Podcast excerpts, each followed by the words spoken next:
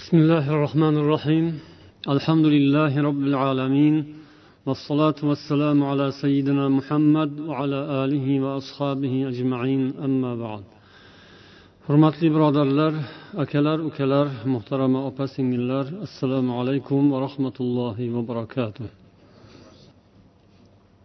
biz axloq mavzusida suhbatlashib yaxshi sifatlar insoniy fazilatlar haqida gaplashib keldik shuncha paytgacha Hali yana o'rganishimiz lozim bo'lgan sifatlar juda ham ko'p. Inshaalloh davom etamiz.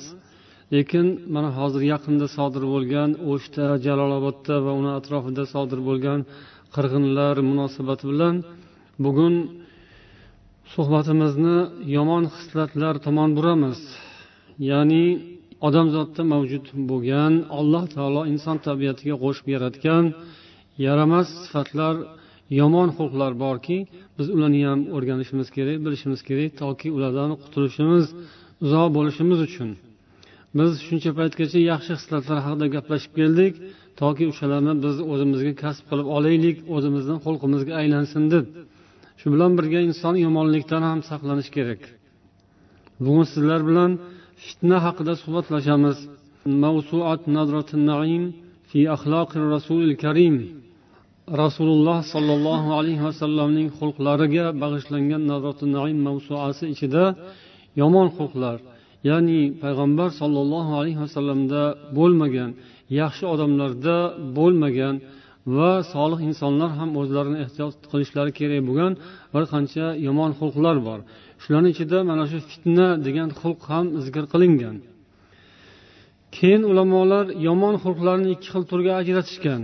Ya'ni shaytoniy xulqlar va hayvoniy xulqlar deb bu haqda inshaalloh vaqti bilan suhbatlashamiz. Bu fitna o'zinglar ham agar tafakkur qilib o'ylab ko'rsanglar bilishinglar mumkin. Qanday xulqlarga kiradi? Ya'ni yomon xulq yaramas xulqlar ikki qismga bo'linar ekan shaytoniy va hayvoniy. Bu qaysinga kirishi mumkin? Ikkalasiga ham kirishi mumkin. Yana kim aytadi? Hayvoniy yana kim aytadi shaytoniysi qoldi. Demak bu shaytoniy xulqlardan fitna. Nima uchunligini suhbat davomida inshaalloh tushunib olasizlar. Bu suhbat o'sh va jalolobod fojiasiga bag'ishlangan emas. O'shanga xoslangan emas. Faqat moslangan desa bo'ladi. Chunki biz aslida o'qishimiz kerak bo'lgan bilishimiz kerak bo'lgan darsimiz edi bu. Bizning suhbatlarimiz davomida kelishi kerak bo'lgan mavjud mavzu edi. Demak naimda ham bu alohida sifat alohida bir yomon xislat sifatida zikr qilingan. Bu darsni har bir oddiy musulmon tushunmasligi mumkin oddiy odam tushunmasligi mumkin ba'zi bir jihatlarni. Lekin fitnani hamma tushunadi. Fitna arab tilida lekin uni hamma hozirgi kunda arab emas o'zbek bo'lmagan boshqa hatto yevropa millatlari ham tushunadigan bo'lib ketgan. Shuning uchun kofirlardan bittasi fitna degan film ham ishlab chiqdiku. Fitnani hamma tushunadigan bo'lib ketgan lekin uni ilmiy asosda negizlari bilan qirralari bilan hamma tushunmasligi mumkin.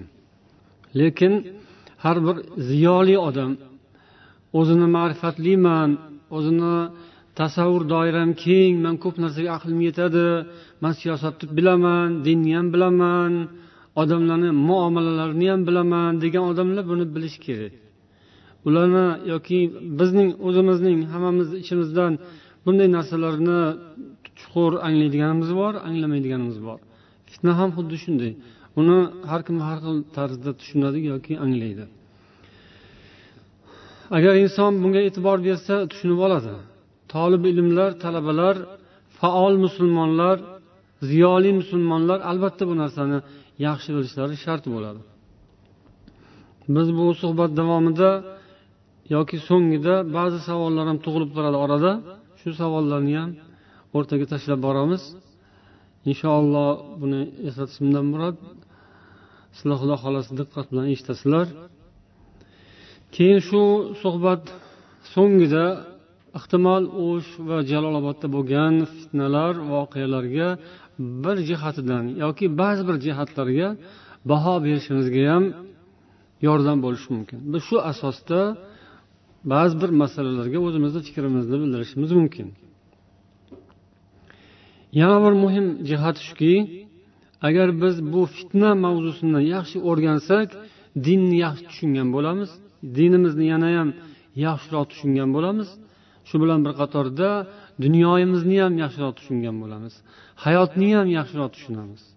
Hayotda biz yashayapmiz shu dunyoda yashayapmiz lekin shu dunyoni hayotini yaxshi bilmasdan ham yashayapmiz. Biz dindamiz alhamdulillah lekin dinni ham yaxshi bilmasdan yurganlarimiz ko'p. Dinni ham dunyoni ham hayotni ham yaxshi bilmasdan o'tish yaxshi emas demak fitna bu ham dinni ham hayotni dunyoni tushunishimizga shu mavzuni bilishimiz yordam beradi. Shunday qilib fitna buning lug'aviy ma'nosi keyin istilohiy ma'nosi.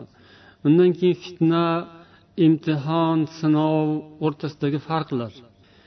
Keyin fitna olloh tomonidan ham bo'ladi odamzod tomonidan ham bo'ladi. Bu haqda ham inshaalloh keladi mavzuga undan keyin fitna qanday paydo bo'ladi va uni qanday daf etiladi? Bu haqda ham inshaalloh mana ulamolarni tavsiyalarini o'rganib o'tamiz. Shunday qilib birinchi mavzu fitnaning lug'aviy ma'nosi. Fa ta nun. Ya'ni bu mana shu fitna kalimasining o'zagi shu uchta harfdan tashkil topgan. Fatana yaftinu fe'li fitna qilmoq.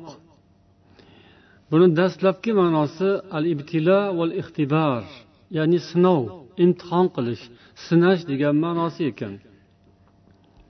Alloh taolo qur'oni karimda deb muso alayhissalomga aytgan ya'ni sizni judayam qattiq fitnaga soldik sinov imtihonga tutdik degani bo'ladi. Bu bitta ma'nosi lug'aviy jihatdan. Ikkinchi ma'nosi oltinni eritish.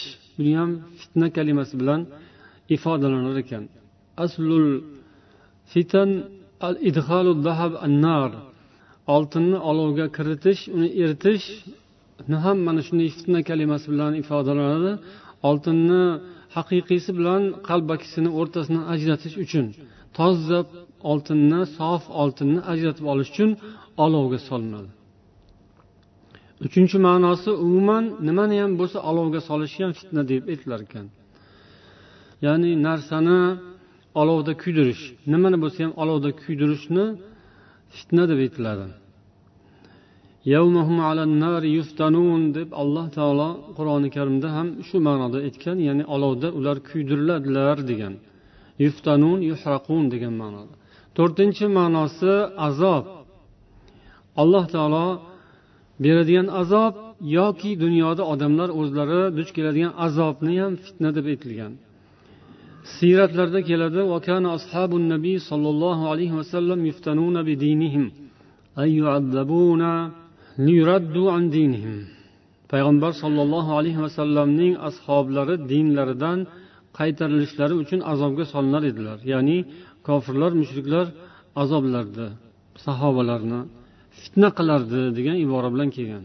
Fitna qilish azobga solish degan ma'noda. Yoki alloh taolo zariyat surasida kofirlarga qiyomat kuni zuqu fitnatakum haza allazi kuntum bihi tastajilun. Mana sizlar endi o'zingiz shoshiltirgan fitnangizni totib ko'ring deb aytadi. Ya'ni azobingizni oling toting deydi. Bu dunyoda kofirlar va munofiqlar allohni oxiratdagi azoblarga ishonmasdan qani u azob dedilar. Qani kela qolmaydimi tezroq dedilar. O'shani alloh taolo qiyomat kuni ko'rsatadi va shuni fitna deb aytadi. Yoki azobga sabab bo'ladigan narsalar ham fitna. Beshinchi ma'nosi urushlar. Odamlar o'rtasida paydo bo'ladigan urush o'ldirish qirg'in barot bularni ham fitna deb aytilar ekan. Payg'ambar sollallohu alayhi vasallam inni aral fitan xilala buyutikum deb aytganlar. Ya'ni man sizlarning uylaringiz orasidan fitnalarni ko'ryapman deb aytganlar madinada sahobalarga. Ya'ni kelajakda bo'ladigan fitnalar haqida payg'ambar sollallohu alayhi vasallam ogohlantirganlar. Shunday uylarga qarab turib aytganlar mana shu uylarni orasida deganlar. Demak odamlar o'rtasida bo'ladigan urush janjallar qirg'in barotlar oltinchi ma'nosi ishqqa mubtalo bo'lish. Fi amril ishq fatana biha yoki futina biha va futina biha ay ashaqaha. Bu ishq degani billah qalb kasalliklaridan biri. Insonning ojizligi qalbi ojiz zaif odamlarda paydo bo'lishi mumkin bo'lgan kasallik. Bu insonnidagi ayb va insonning zaifligi kasalligi bu narsadan odam ehtiyot bo'lishi kerak va ehtiyot bo'lish yo'llarini choralarini ham ushlash kerak. Kimki shunaqa kasallikka mubtalo bo'lgan bo'lsa u fitnalangan bo'ladi. Fitnaga giriftor bo'lgan bo'ladi. Yettinchisi demak al fattan ash shayton fatton deb shaytonni ham aytilar ekan. Ya'ni ko'p fitnaga soluvchi maxluq. Yoki mana shu yettinchi ma'noda yana payg'ambar sollallohu alayhi vasallam hadisda aytgan ekanlar al muslim ahul muslim. Musulmon musulmonning birodari suv daraxtlar o'rtada sheriklik bo'ladi. Ular shaytonga qarshi bir birlari bilan hamkorlik qiladilar. Ya'ni shaytonga yo'l bermaydilar. Bo'lmasam odam o'rtasida shayton dunyo talashtirib bir biriga urushtirib qo'yadi. O'shaning uchun ular shaytonga yordam bermaydilar balkim shaytonni ziddiga bir birlariga yordam beradilar. Bir birlari bilan doim hamkorlik qilib yaxshi qo'shnichilik do'stlik munosabatlarini saqlab boradilar degan ma'no. sakkizinchi ma'nosi balo ofatlar وجعلت الفتنة كالبلاء في أنهما يستعملان فيما يدفع إليه الإنسان من شدة ورخاء insonga bo'ladigan yaxshiliklar yoki qattiqliklar bular ham fitna deb aytiladi balo ofat deb aytiladi alloh taolo aytgan biz sizlarni yomonlik bilan va yaxshilik bilan fitna qilamiz ya'ni fitnaga solamiz. Yaxshilik berib ham yoki yomonlik berib ham sizlarni fitnaga solamiz deb aytgan. To'qqizinchi ma'nosi molu dunyo. Alloh taolo insonga beradigan dunyo mol buni ham fitna deb aytilgan. Ya'ni insonni chalg'itadi bu. Dunyoda oxirat uchun amal qilish kerak bo'lgan maqomda dunyoga berilib mol dunyoning ziynatiga qiziqib oxiratdan chalg'ib ibodatlarda nuqson paydo bo'ladi bu dunyoning fitnasi. O'ninchi bola chaqa farzandlar. Alloh taolo qur'oni karimda aytgan innama amvalukum va avladukum fitna sizlarning mol dunyolaringiz va bolalaringiz faqat fitnadir. Alloh huzurida buyuk ajr bor. Ya'ni olloh ato qilgan moli dunyo ham bola chaqa ham inson uchun sinov vositasi degani fitna degani. Ya'ni shu mol dunyo bilan odamzod yo adashadi yo haqqa erishishda mol dunyo foyda beradi. Bola chaqa ham insonni adashtiradi nauzubillah alloh asrasin yoki olloh huzurida ulkan savoblarga erishishga sababchi bo'ladi.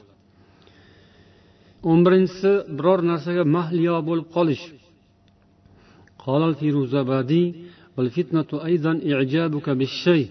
Bir narsaga mahliyo bo'lib berilib qolsangiz bu ham fitna sizga.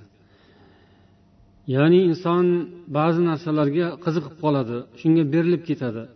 Haddan ziyoda berilib shunga qiziqib ovora bo'lib mahliyo bo'lib qolsa u odam fitnalangan odam bo'ladi yoki maftun deyiladi. O'zbek tilida shunaqa maftun degan kalima ham bor. Haligi ishqu muhabbat ko'chasiga kirganlar o'zini o'zini shikoyaga soladi ba'zilar. Yo'q bo'lsa ham o'zini shunaqa qilib ko'rsatadi. O'shalar ishlatadigan so'zlar maftun ya'ni fitnalangan degani. Lekin bu narsa salbiy ma'no ekan aslida. Ya'ni insonga yarashmaydigan narsa insonning kasalligi.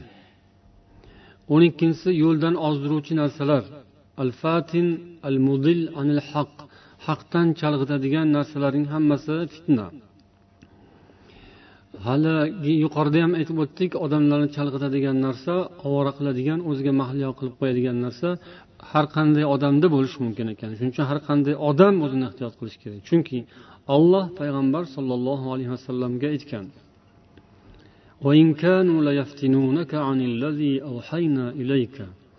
sizni biz yuborgan vahiy qilgan narsadan chalqitishlarga ozgina qoldi degan. Ya'ni kofirlar mushriklar payg'ambar sollallohu alayhi vasallamga tashviqot qilaverib u kishini fikrlariga kirib borishgan.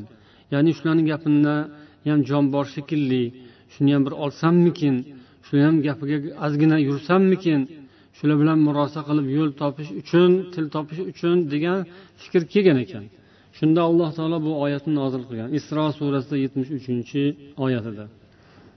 Biz sizga nozil qilgan vahiy qilgan narsadan sizni chalg'itib yuborishlariga oz qoldi degan. Har qanday odam shuning uchun hech kim xotirjam bo'lishi kerak emas. Yo man ya biz xotirjammiz yo unaqa gap bo'lmaydi deb qo'yadi ba'zi odam. Bu o'zini o'ziga ortiqcha ishongan bo'ladi.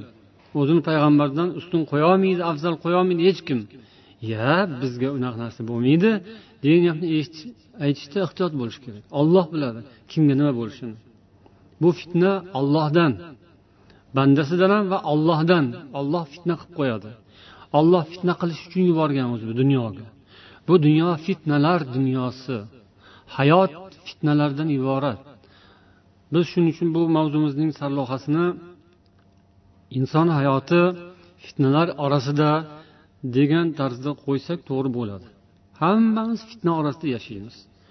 Bu fitnani sinov ma'nosi ham bor aldov ma'nosi ham bor hamma ko'p ma'nolari bor. Shuning uchun hech kim o'zini fitnadan xoliman deb o'ylashi mumkin emas. O'n uchinchi ma'nosi lug'aviy ma'nolar ketyapti hozir. Kufrga mahliyo bo'lish. Va qavlullohi azza va jalla robbana la tajalna fitnatan lil qavmi musulmonlarning duolari ey robbimiz bizni zolim qavm uchun fitna qilib qo'ymagin degan oyat. La tuzhirhum alayna fa fayajabu va yazunnu annahum khayrun minna. Ya'ni ularni bizdan ustun qilib qo'ymaginki to ular o'zlarini bizdan afzal bizdan ustun deb bilmasinlar.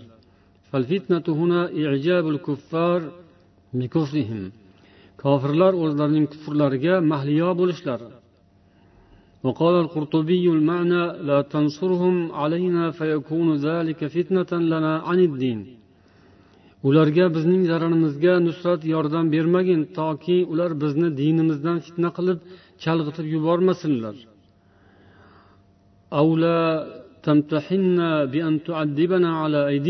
Yoki bizni ularning qo'lida azoblanadigan qilib qo'ymagin.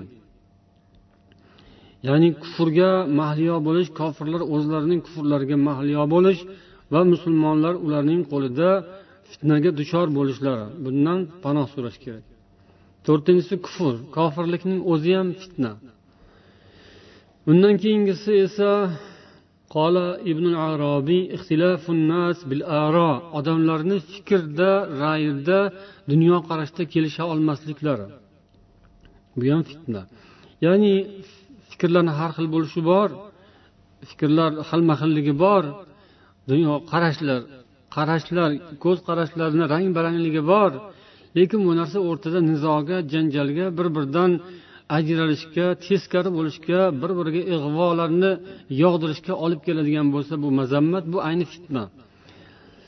Lekin bir masalani bir necha xil jihatlarini ko'rish yoki o'zaro kelishgan holda har xil fikrli odamlar birlashib ish yuritish bu tabiiy va ijobiy holat.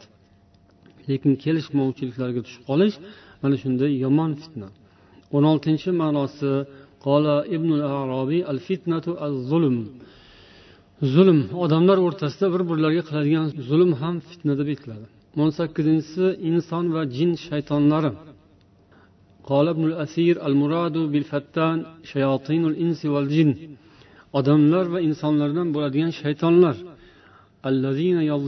nas odamlarga zulm qiladilar va ularni fitnaga soladilar Yo'ldan haqiqatdan adashtiradilar.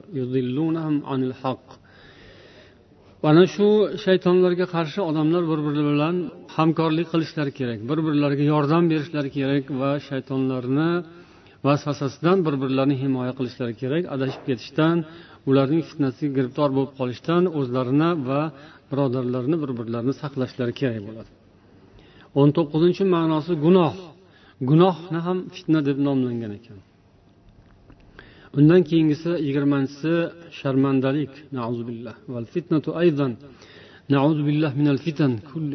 alloh hamma fitnalarning hamma turidan o'zi asrasin ومن ذلك قوله تعالى ومن يرد الله فتنته فلن تملك له من الله شيئا alloh kimni agar fitnaga solishni iroda qilsa siz hech narsa qila olmaysiz degan ya'ni bu yerda alloh agar munofiqlarni yoki kimnidir bo'lsa ham billah sharmanda qilishni istasa hech narsa qila olmaysiz. Billah.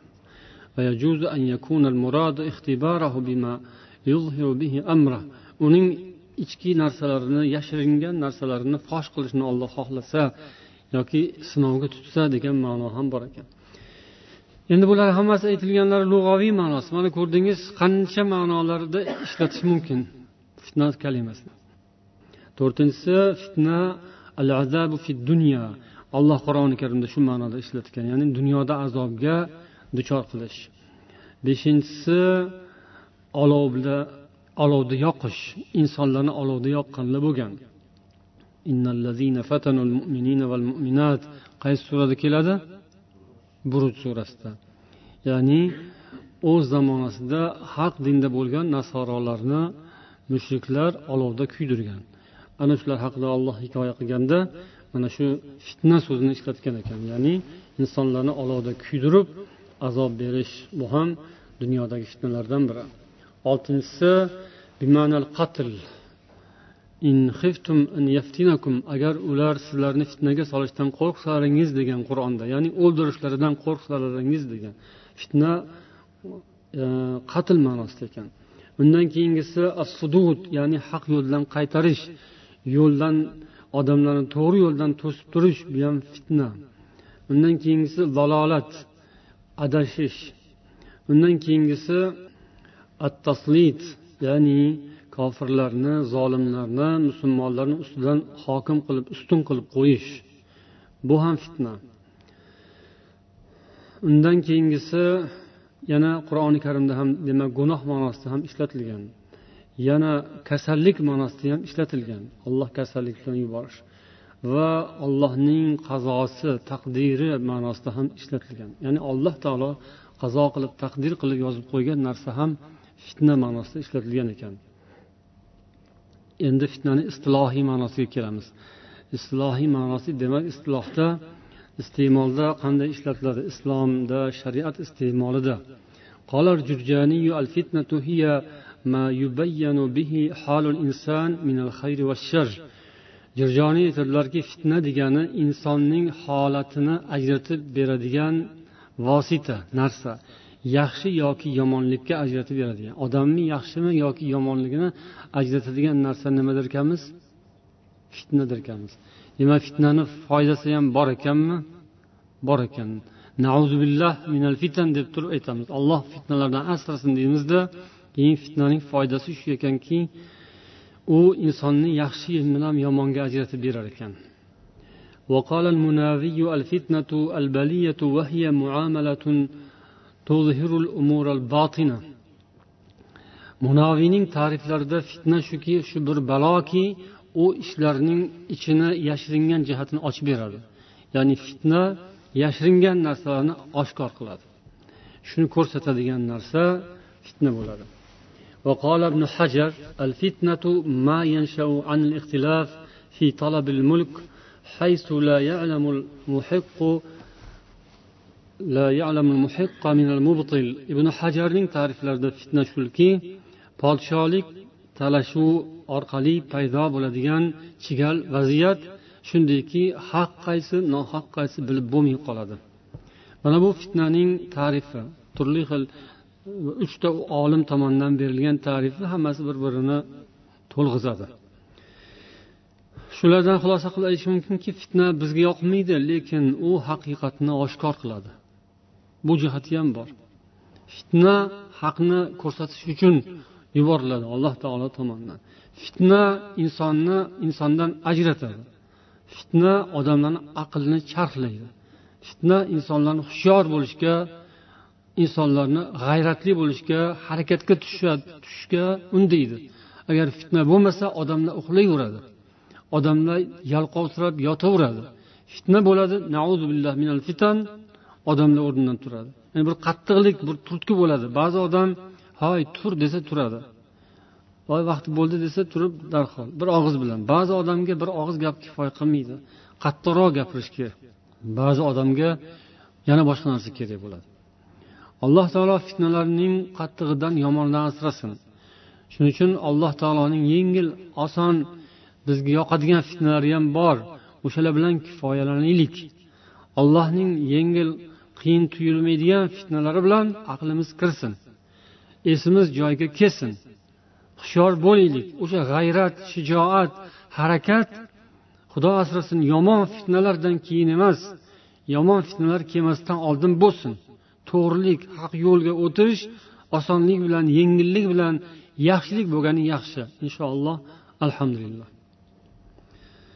Endi fitna so'zini izofa qilib ishlatilishi nimaga izofa qilinsa o'shanga bog'lanishi haqida. Fitnatu sodir qalb fitnasi bor.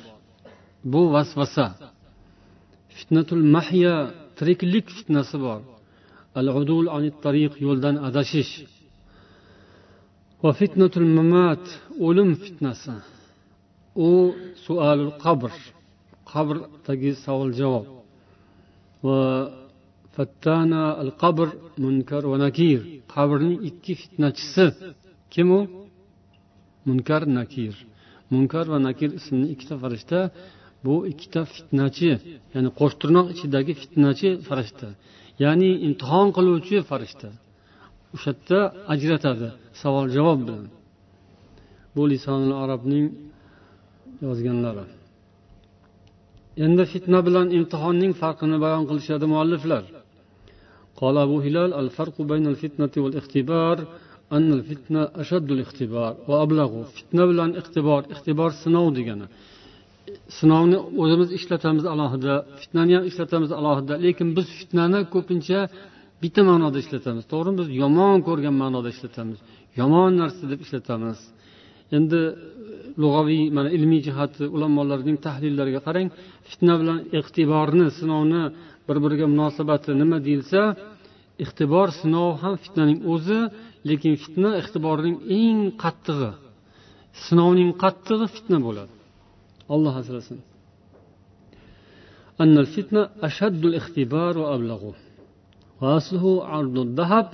Buni asli demak oltinni olovga tutish.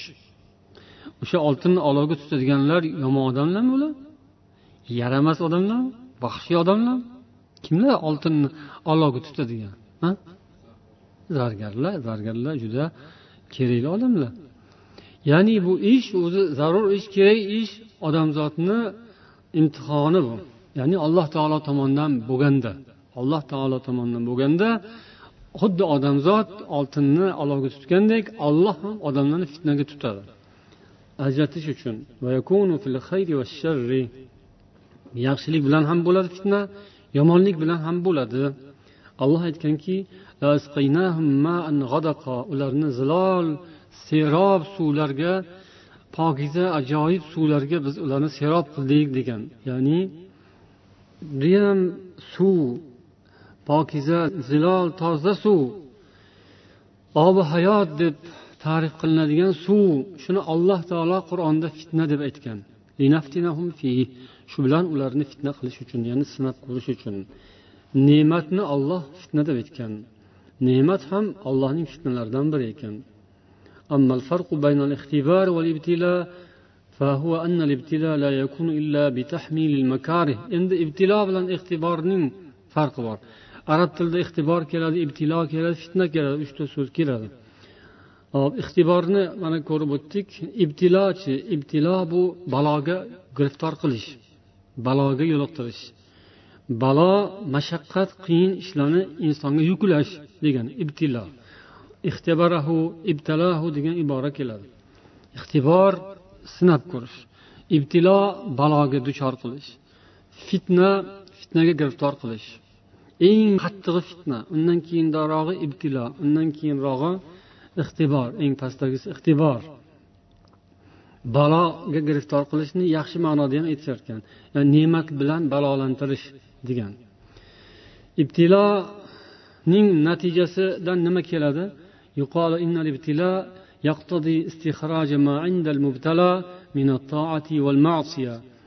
Bu ibtilo ya'ni baloga duchor qilish odamni yo toatga yo ma'siyatga ajratadi. Insondan yo toat paydo bo'ladi shundan keyin yo ma'siyat paydo bo'ladi. Ba'zilar o'sha sinovga chidamasdan gunohga kirib ketadi ba'zilar sinovga duch bo'lgandan keyin tavba qiladi. Ya'ni yaxshi odam bo'ladi ikkalasidan bittasi bo'ladi. Ixtibor esa yana bir ma'nosi xabar ma'nosini ham anglatadi deyishadi. Ya'ni ma'lumot olinadi ma'lumot paydo bo'ladi. Qanaqa ma'lumot desangiz o'sha odam haqidagi ma'lumot xabar ilm paydo bo'ladi. Uning kim ekanligi ma'lum bo'ladi. Ixtibor shu. Ya'ni uning xabarini xabar kalimasidan olingan ixtibor ibtilo balo kalimasidan olingan. Ixtiborda olloh sinab uning xabarini chiqaradi ma'lumotini chiqaradi. Yaxshimi yoki yomon degan yozuv paydo bo'ladi. Insonning kimligi uning haqiqati oshkor bo'ladi. Endi fitna sinov va yomonlik orasida degan bir mavzu.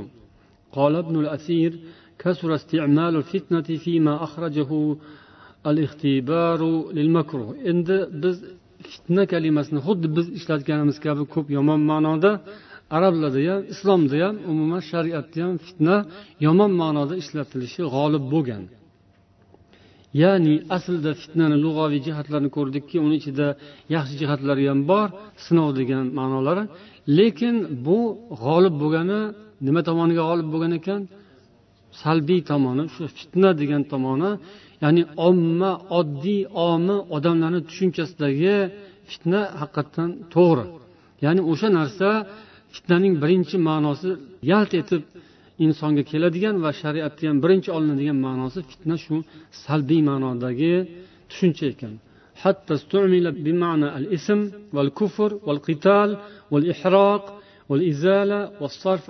demak fitna shunday ishlatilishga odat bo'lib ketgan iste'molga kirib ketdi ya'ni gunoh kufr zalolat urush odam o'ldirish va hokazo va hokazo ishlarda ishlatilishi g'olib bo'lgan endi fitna alloh taolo tomonidan ham bo'ladi inson tomonidan ham bo'ladi degan mavzu al fitnatu takunu minallohi va minal inson قال الراغب الفتنة من الأفعال التي demak rog'ib aytadilarki fitna ikki tomondan bo'ladigan fe'l har ikki tomondan bo'ladigan fe'llardan hisoblanadi ollohdan ham odamlardan ham kal baliya val musiba val qatli val azab ya'ni balo ofatlar musibatlar urushlar yoki o'ldirishlar va hokazo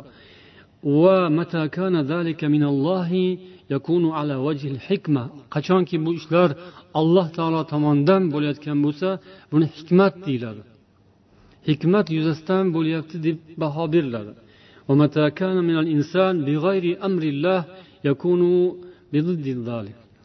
Allohning amridan tashqari ya'ni olloh buyurmagan ishlar bo'layotgan bo'lsa ya'ni gunoh sifatida odamlar tomonidan banda tomonidan sodir etilayotgan bo'lsa uning aksi bo'ladi uni qoralanadi.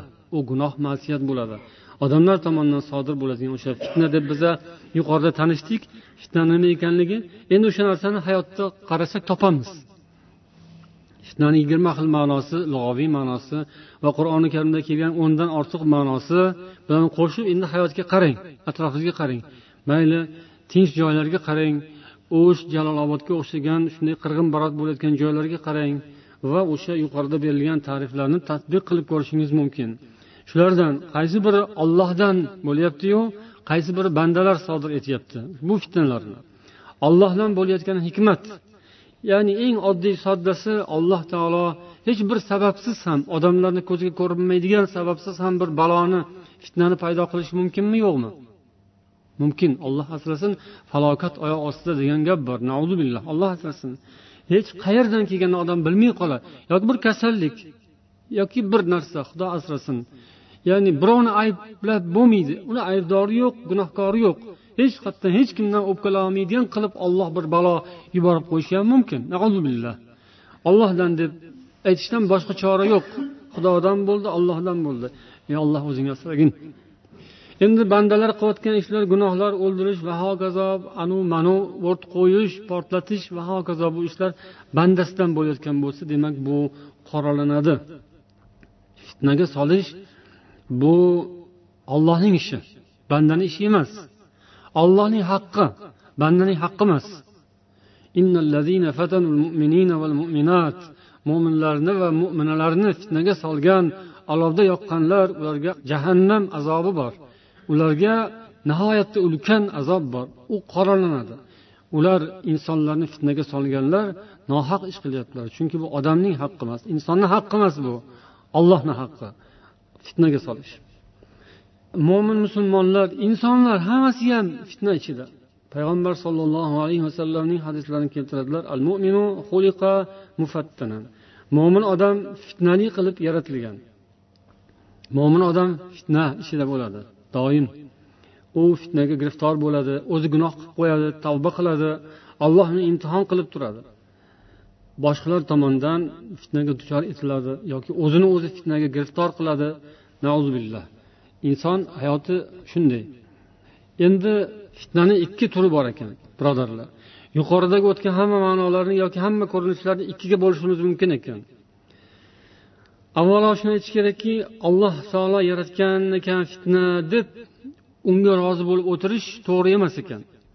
Alloh bunga buyurmagan bandalarni ya'ni bizning fitnamiz bu. Shunday o'tiraveringlar bizdan kelyapti demagan olloh uni daf etishga buyurgan. Shaytonni ham masalan olloh yaratgan. Endi olloh yaratganda buni ham. Deb shayton bilan murosa qilib olloh yaratgan shayton bilan deb deb murosa qilishga olloh buyurmagan. Olloh yaratgan bo'lsa u bilan urushishga buyurgan. U bilan urush qilish uchun olloh shaytonni yuborgan siz bilan bizga. Shunga o'xshab olloh fitnalarni ham shuni tagida yashayverish uchun emas balki uni daf etish uchun yuboradi.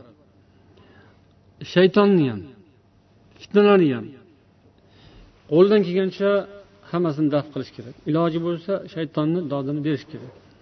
Olloh uni yaratgan bo'lsa demak mo'minlarni iymonini sinash uchun yaratgan. Qanday qilib? Demak fitnalarni ikki qismga bo'lib keyin o'shani muolajasini qilinar ekan. Ibn qayim rahimaulloh lahfan min masoidi shayton degan kitoblarida bu narsani bayon qilgan ekanlar. Al fitnatu nav'an fitna ikki xil bo'ladi.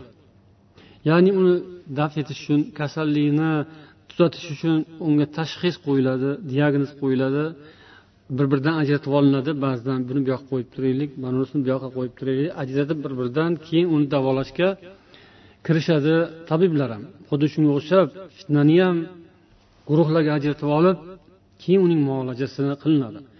Ikkita katta guruhdan iborat deydilar ibn qayyim rahimaulloh birinchisi fitnatu shubahat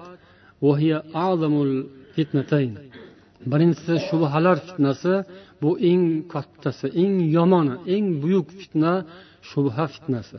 Ikkinchisi shahvat fitnasi fitnatu shahavat bu eng bu ham yomon narsa lekin bundan ham yomoni birinchisi. Birinchisi demak shubha fitnasi. Fitnatu shubahat min dafil basira. Endi buni qayerdan kelib chiqqani haqida bu kishi fikr yuritadilar ajoyib so'zlar yozganlar. Shubha fitnasi zaful basirat inson basiratining zaifligidan paydo bo'ladi. Ya'ni insonning ko'z qarashini zaifligidan insonning tafakkur doirasini torligidan fikrlash qobiliyatining o'tmasligidan paydo bo'ladi. Va qillati ilm ilmning kamligidan bo'ladi.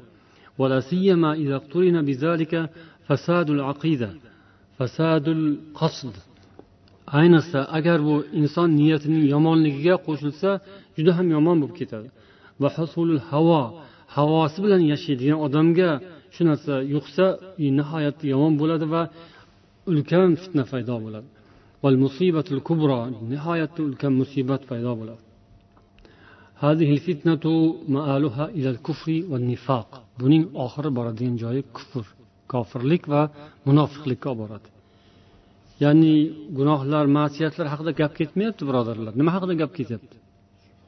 Shubha yana nima haqida gap ketyapti? U alohida narsa. Tushuncha ilm dunyoqarash e'tiqod haqida ketyapti gap. Agar kimniki shu narsasi zaif bo'lsa u fitnaga giriftor bo'lgan bo'ladi va uni oxiri tuzalmasa kofirlik va munofiqlikka o'tib ketadi billah munofiqlar va bid'at ahlining fitnasi shunaqa bo'ladi ularning o'zini darajalariga qarab إنما ابتدعوا من فتنة الشبهات التي اشتبه عليهم فيها الحق والباطل o'sha munofiqlar kofirlarning ko'pchiligi bid'atchilarning ko'pchiligi haq bilan botil ularni ichida aralashib ketgan bo'ladi. Tushunchasida ichida. Ajratolmay qolgan shubhalarga berilgan keyin shu bilan noto'g'ri yo'llarga kirib ketgan bo'ladi. Qayerdan paydo bo'ladi degan savolga javob beradilar. To'rtta narsani ko'rsatganlar. Taratan min fahmin fasid fosid fahmdan. Fahm farosat fosid buzilgan. To'g'ri anglamaydi narsalar. To'g'ri qabul qilmaydi. Gapni ham nasihatni ham maslahatni ham egri egri egri qabul qilaveradi. To'g'ri qabul qilolmaydi olloh asrasin. Uni bu joyida demak nuqson bor. Fahm.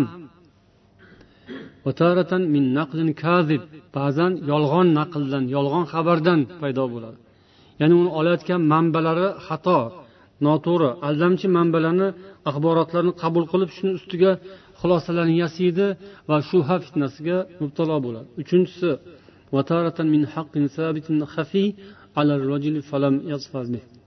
ba'zan o'sha haqda bo'ladiku lekin u haq yashirin bo'ladi unda va uni u mahkam egallay olgan bo'lmaydi ojizlikdan bo'ladi. To'rtinchisi ba'zan fosid maqsadli bo'ladi. Niyati o'zi buzuq odam bo'ladi va havosiga ko'ngliga yoqqan narsani qilishga o'rganib qolgan odam bo'ladi. Shundan ham u noto'g'ri yo'llarga kirib ketib qoladi. Buni qanday davolab bo'ladi? deb savol tug'iladi. Ya'ni mana shu shubha fitnasidan qutulishning yo'li qanday muolajasi qanday degan savolga javob shundayki bitta javob la yunajji min hadhihi fitnati illa tajridu ittiba'i rasul sollallohu alayhi vasallam. Bundan hech narsa qutqarmaydi insonni illo payg'ambar sollallohu alayhi vasallamga ergashish bo'ldi boshqa narsa yo'q. Rasulullohga rostdan ergashish.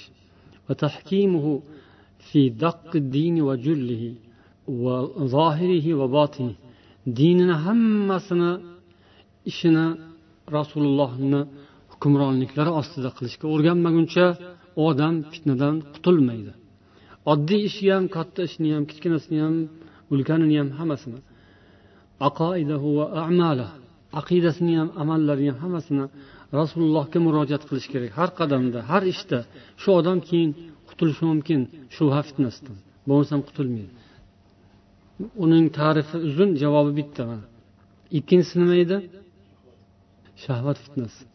وقد جمع سبحانه بين ذكر الفتنتين الله تعالى mana bu oyatda har ikki fitnani jamlagan deb tavba surasini oltmish to'qqizinchi oyatini zikr qilishadi كالذين من قبلكم كانوا أشد منكم قوة وأكثر أموالا وأولادا فاستمتعوا بخلاقهم فاستمتعتم بخلاقكم sizlardan avvalgi o'tganlarga o'xshagan bo'ldingiz ular sizlardan avvalda o'tganlar sizlardan ko'ra kuchlari qudratlari ko'proq Farzand bolalari sizlardan ko'ra ularniki ko'proq bo'lgan edilar. Ular o'zlarining nasibalaridan dunyoda foydalandilar. Sizlar ham o'zingiz nasibangizdan foydalandingiz degan bu so'zlarni alloh taolo munofiqlarga aytgan. Mana shu oyatda aytishadiki ulamolar dunyodan bo'lgan nasibalaridan ular foydalandilar. Ya'ni quvvatu tarafdorlar askarlar va hokazo والخلاق من النصيب المقدس ثم قال وخضتم كالذي خاضوا keyin nazariy masalalar ya'ni tushunchalar g'oyalar ta'limotlar ular qanday kirgan bo'lsalar sizlar ham xuddi o'shanday narsalarga kirib ketdilaringiz ya'ni shubhalar dunyosiga kirib ketdilaringiz deb alloh taolo o'tgan qavmlarni misolini keltirib payg'ambar sollallohu alayhi vasallam zamonlaridagi munofiqlarga xitob qilgan shunday qilib alloh bu yerda fasadul qulub val adyan. Insonlar qalbi va ularning dinlarini buzilishi nimadan bo'lishini ko'rsatgan. Ya'ni dunyodan foydalanishda va botil e'tiqodlarga berilishda. Dunyodan foydalanish. Bil xaloq inson nasibasi bor. Bu dunyoda hammani nasibasi bor. Olloh yozgan. O'sha nasibadan foydalanishda haddan oshish bu shahvat fitnasiga giriftor qiladi botil narsalarga kirishib ketish bu dinni fasod bo'lishiga e'tiqodlarni buzilishiga olib keladi haqiqiy sog'lom ilmni yo'qolishiga olib keladi فالأول هو البدع وما والاها والثاني فسق العمل ya'ni birinchi shubha bidatlar shubhasi shahvatlar shubhasi bo'lsa ikkinchisi amallardagi fisqu fujur فالأول فساد من جهة الشبهات والثاني من جهة الشهوات birinchisi shubhalar jihatdan fasodga ketish ikkinchisi esa shahvat jihatidan ya'ni insonning xohish istaklari ko'ngil mayllari bu dunyoga qiziqishlari ular hammasi qo'shilib shahvat deb aytiladi shuning uchun salaflar deydilar nasihat qilishganki odamlarning ikkita guruhidan ehtiyot bo'linglar sahibu havo qad fatanahu هواه va دنيا أعمته دنياه. Ikki guruh odamlar ulardan ehtiyot bo'linglar. Birinchisi havo sohiblari. Ya'ni uning havosi uni fitnaga solgan havosiga ergashgan. Ikkinchisi esa dunyosi uni ko'r qilgan va dunyo tufayli fitnaga giriftor bo'lgan odamlar. Deyishgan ekan. Yana saloflar aytishgan ekanki fojir olimning fitnasidan ehtiyot bo'linglar. Johil ibodat qiluvchining fitnasidan ehtiyot bo'linglar. Chunki bu ikki guruhning fitnasi hamma odam fitnalangan odamlarning fitnasi mana shundan iboratdir. Ya'ni fitnaga giriftor bo'lganlar mana shu ikki fitna nuqtasiga bog'lanadilar. Yo fojir olim yoki johil obid. Johil ibodat qiluvchi ya'ni qilayotgan ishining aslini hujjatini dalilini bilmaydi. Bir jihati narigisi esa biladi hamma narsani lekin u fojir fosiq. Bu shubhada bunisi esa shahvatda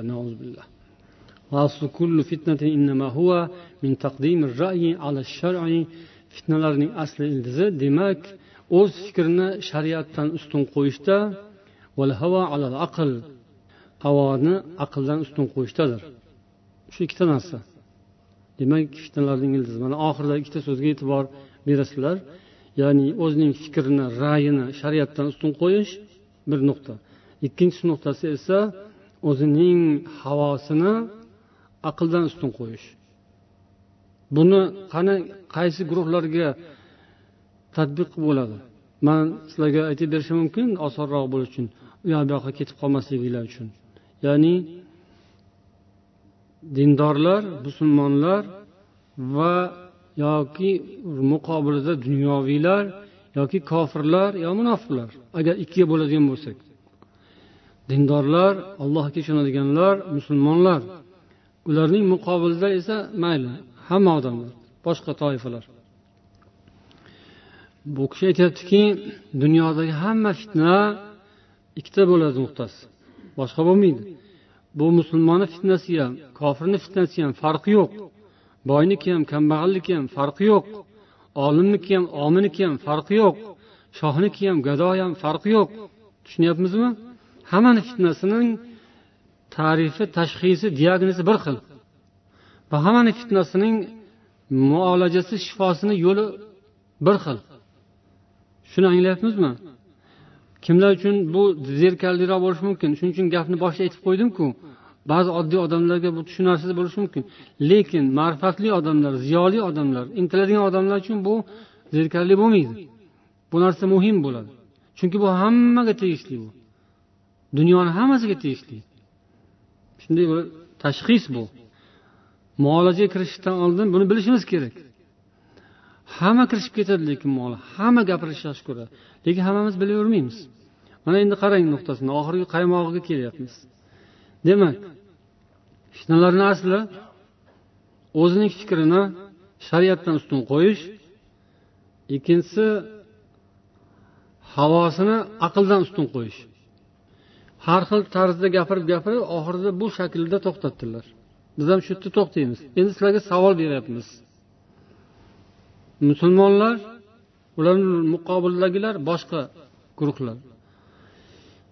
Yuqoridagi ikkita nuqtani tadbiq qilinglarchi. Qaysinisi kimga to'g'ri keladi? Tushundinglarmi yoki tushunmadinglarmi?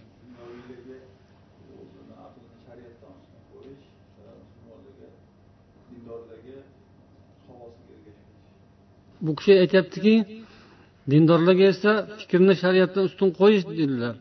Yana kimdir teskarisi dedi kim aytdi uni? Siz teskarisi dedingiz. Qani siz gapiringchi?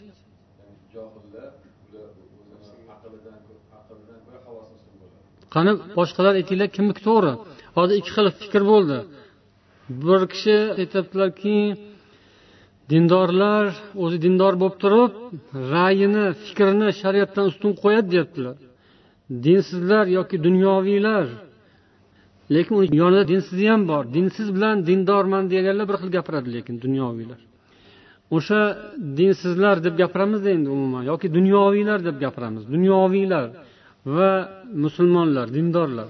Abdulbosning tarifiga ko'ra dindorlar o'zining ra'yini fikrini shariatdan ustun qo'yishi bu shubha fitnasi yoki fitnaning bir yo'li ildizi yana u kishining tarifi bo'yicha dunyoviylar yoki dinsizlar ham ularni yonida ular o'zining havosini aqlidan ustun qo'yishidan kelib chiqadi deyilyapti. Qani endi boshqalar baho beringlar qaysisi to'g'ri? Farhodni gaplari bo'yicha buning teskarisi. Ya'ni ra'yini shariatdan ustun qo'yish bu dinsizlar dunyoviylarning ichida bor narsa havosiga ergashib ketish aqlni chetda qoldirib bu dindorlarni ichida bor narsa desa dunyoviylar shariatni bilmaydi va shariatni tan olmaydi. To'g'ri. Shariatni tan oladiganlarga tegishli bu aqlni shariatdan ustun qo'yish degan gap shariat ichidagi odamlarga tegishli ya'ni musulmonlarga tegishli dindorlarga tegishli. Dindorlar dinda bo'lib turib dinga amal qilib turib shariatni ichida yashab turib aqlini ra'yini fikrini shariatdan ustun qo'yadi.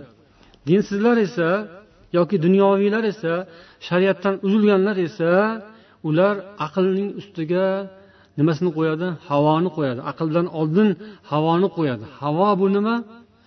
Ko'ngliga nima yoqsa o'shani qilish. Oyog'ini tegidan narini ko'rmaslik. Nafsiga yoqqan narsani qilish. Lekin aql bor aql kofirda ham bor.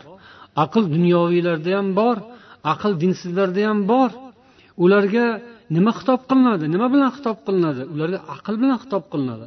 Ularga shariat bilan emas. Hoy dunyoviylar yoki hoy dinda bo'lmaganlar shariatga amal qilinglar deymizmi ularga? Yo'q. Ularga aytamizki hoy aqlinglarga rioya qilinglar deymiz. Aqlinglarga bo'ysuninglar. Aql borku sizlarda hayvon emassizlarku sizlar deyiladi. Sizlardan chiqyapti bu o't qo'yish odamlarni yoqish o'ldirish qirish. Dindorlardan chiqmadi alhamdulillah. Ayollar qizlarni zo'rlash tahqirlash yosh yosh qizlarni shunday o'ldirish yoki daraxtga boylab o't qo'yib yuborish bu kimdan chiqdi? Dunyoviy. Ular dindor emas. Ular shariat tarafdorlari emas. Yoki boshqa boshqa sohalarni olib ko'ringiz boshqa joyda bo'lgan fitnalar yoki musibatlar bularda agar dunyoviylar bo'lsa yoki dinsizlar bo'lsa musulmonlardan tashqari bo'lsa ularga nima bilan xitob qilinadi? Nima bilan? Aql bilan. Aql bilan murojaat qilinadiki bu so'z aytiladi. Sizlar havoga berilmangiz aqlingizdan havoni ustun qo'ymangiz ya'ni nafsingizni yoqayotgandir o'sha ishni qilish. Sizni ko'nglingiz aytishyaptiku avtomatni otib keyin qiyqirib baqirib xursand bo'lib raqsga tushib o'ynashdi deb aytishyapti. Qirib odamlarni qirib o'ldirib keyin o'ynashdi deyishadi allohu akbar demadiku o'ynabdi raqsga tushib. Bu nimadan? Bu aqldan emasda aqlni mayli darajasi har xil lekin o'sha kofir bo'lsa ham yoki fosiq bo'lsa ham aqli borku hayvon emasku jin emasku jinnixonadan chiqarilgan emasdiku o'shalar.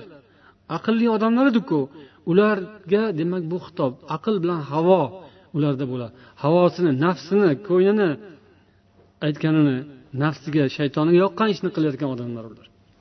Lekin musulmonlarda esa ra'yini fikrini o'zini o'ylab ishtihodlarini e hozir bunaqaday bunaqaday deb o'zini fikrini oldinga qo'yib qo'yish. Bu shubha fitnasi. Bu esa qaysi fitna nargisi shahvat fitnasi. Ya'ni dunyoviylarda bo'ladigan fitna qanaqa fitna ekanu dindorlarda bo'ladigan fitna qanaqa fitna ekan? Qani kim aytadi? Dunyoviylarda shahvat fitnasi bo'ladi. To'g'ri. Dindorlarda nima bo'ladi? Shubha fitnasi bo'ladi to'g'ri. Aralashgan joyi ham bo'ladi. Nima dindorlarda musulmonlarda shahvat fitnasi bo'lmaydimi desa unaqa emas. Ularda ham bo'lishi mumkin ya'ni dunyo fitnasi. Dunyoga giriftor bo'lib dunyo tufayli adashib ketgan bo'lishi mumkin lekin ko'prog'i haqida ketyapti gap. Endi buning muolajasi qanday? Buni muolajasi ham ikkita narsa qisqa ikkita so'z. Mana bu olimni gapi bilan gap qisqa bo'ladi. Mani gapim emas bu kishini. Islom donishmandlaridan birilar ibn qayyim rahimaulloh yuqoridagi misollarda avvalda o'tgan gaplarimizda xulosasi nuqtasi demak shu ikkita narsa. Fitna ya'ni shubha fitnasi birinchisi ikkinchisi demak shahvat fitnasi. Har ikkisining ozgina tarifini misolni ko'rib o'tdik. Endi buning davosi nima muolajasi nima degan savolga kelamiz. Bu kishi aytadilarki fitnatu shubahat tudfau bil yaqin. Shubhalar fitnasi yaqin bilan daf bo'ladi. Yaqin nima degani yaqin qat'iy ishonch. Shubhaga biror bir zarra shubhaga o'rin qolmaydigan darajadagi ilm va ishonch. Ishonch o'zidan o'zi paydo bo'lmaydi ilm bilan bo'ladi. Oldin ilm keladi keyin ishonch paydo bo'ladi. Bilmagan narsasiga odam ishonmaydi. Oldin o'qiydi o'rganadi biladi va keyin ishonadi. Shuning uchun shubhalar fitnasi ishonch ilm bilan daf bo'ladi e'tiqod bilan daf bo'ladi. Buning uchun musulmonlar dinini yaxshi o'zlashtirishni o'rganish kerak e'tiqod ilmidan boshlab. Ikkinchisi va fitnatu shahavat tudfau bis sabr shahvatlar fitnasi sabr bilan daf etiladi. Sabr bu hammaga kerak. Dindorga ham kerak dinsizga ham kerak. Dinsizda yoki dunyoviylarda shahvat fitnasi bor mansabparastlik fitnasi bor shuhratparastlik fitnasi bor riyokorlik fitnasi bor maqtanchoqlik fitnasi bor. Mana shu fitna fitna fitnalar hammasi. Bularni birlashtira olmayotgan bularni abgor qilayotgan xonavayron qilayotgan sharmanda qilayotgan fitnalar mana shular. Ya'ni shahvat. Xohish istak ko'ngilga yoqadigan narsa mansab yoqmaydimi? Shuhrat yoqmaydimi? Shuhrat topaman deb yolg'on gap topolmasa yolg'onni yozadi to'g'ri savobli ish qilolmasa gunoh ishni qiladi. Maqsad nima? Maqsad o'zini ko'rsatish faqat shuhratga erishish. Bu shahvat. Buning davosi sabr. O'sha ishni qilishdan oldin o'ylash kerak. O'ylash uchun aql kerak va sabr kerak. Odam o'ylayotganda vaqt o'tadi. vaqtni o'ylab tafakkur qilish uchun insonda sabr bo'lishi kerak demak shahvat fitnasini daf etish uchun sabr kerak kichkina nuqtasi endi bu agar bir og'iz so'z bilan aytadigan bo'lsak ولذلك جعل سبحانه إمامة الدين منوطة بهذين الأمرين shuning uchun alloh taolo dinda imomlik rahbarlikning shartini ikkita nuqtaga bog'lagan deydilar وجعلنا منهم أئمة يهدون بأمرنا لما صبروا وكانوا بآياتنا يوقنون biz ulardan bizning ishimiz yo'limiz bilan odamlarni hidoyatga boshlaydigan imomlar rahbarlarni chiqardik qachonki ular sabr qilganlarida va bizning oyatlarimizga chin dildan qat'iy ishongan paytlarida ya'ni shu ikki shart bajo bo'lgandan keyin biz ularni hidoyatga boshlaydigan imomlar qildik rahbarlar qildik deydi olloh فدل على أنه بالصبر واليقين تنال الإمامة في الدين deydilar ibn qayyim rahimaulloh bundan bilinadi bu oyat dalolat qiladiki dinda imomlik yoki rahbarlik umuman hamma rahbarlik ham shunaqa o'zi. Nima bilan yetilarkan? Yaqin to'g'ri ilm e'tiqod va sabr. Endi dunyoviylarda qo'yaveramiz. Ularda to'g'ri e'tiqod iymon islomiy aqida e'tiqoddan gapirmasa ham bo'ladi. Lekin hech bo'lmaganda sabr bo'lishi kerak edi. U ham yarimta narsa bo'ladi o'shanda ham. Olloh huzuridagi rahbarlik alloh huzuridagi boshchilik butun bo'ladigan boshchilik to'g'ri yo'lga boshlaydigan boshchilikda yaqin bilan sabr kerak. Ana undan keyin olloh uning yo'lini qabul qiladi va alloh taologa yetkazadigan yo'l bo'ladi.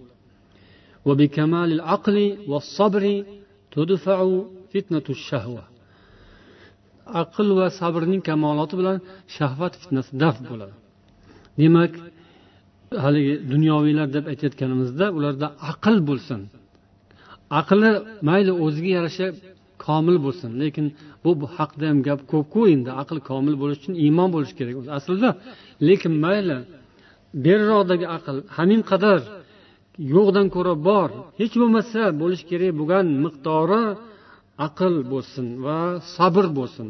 Shu bilan ular ana shunday fitnalarga shunday balolarga giriftor bo'lmaydi o'zini ketidan odamlarni ham balolarga olovlarga olib kirib ketmaydi o'shanday olovga olib kirib ketmasin uchun o'sha insonlarda aql bo'lsin va sabr bo'lsin ekan وبكمال البصيرة واليقين تدفع فتنة الشبهة فتنة الشبهة والله المستعان basirat ya'ni tushuncha to'g'ri e'tiqod yaqin ishonch bilan shubha fitnalari daf bo'ladi alloh barchamizni fitnalardan uzoq qilsin boshiga fitna kelganlarni alloh taolo o'zi ozod qilsin alloh taolo hammamizni haq yo'lda mustahkam sobit qadam bo'lishimizni nasib aylasin سبحانك اللهم وبحمدك أشهد أن لا إله إلا أنت أستغفرك وأتوب إليك السلام عليكم ورحمة الله وبركاته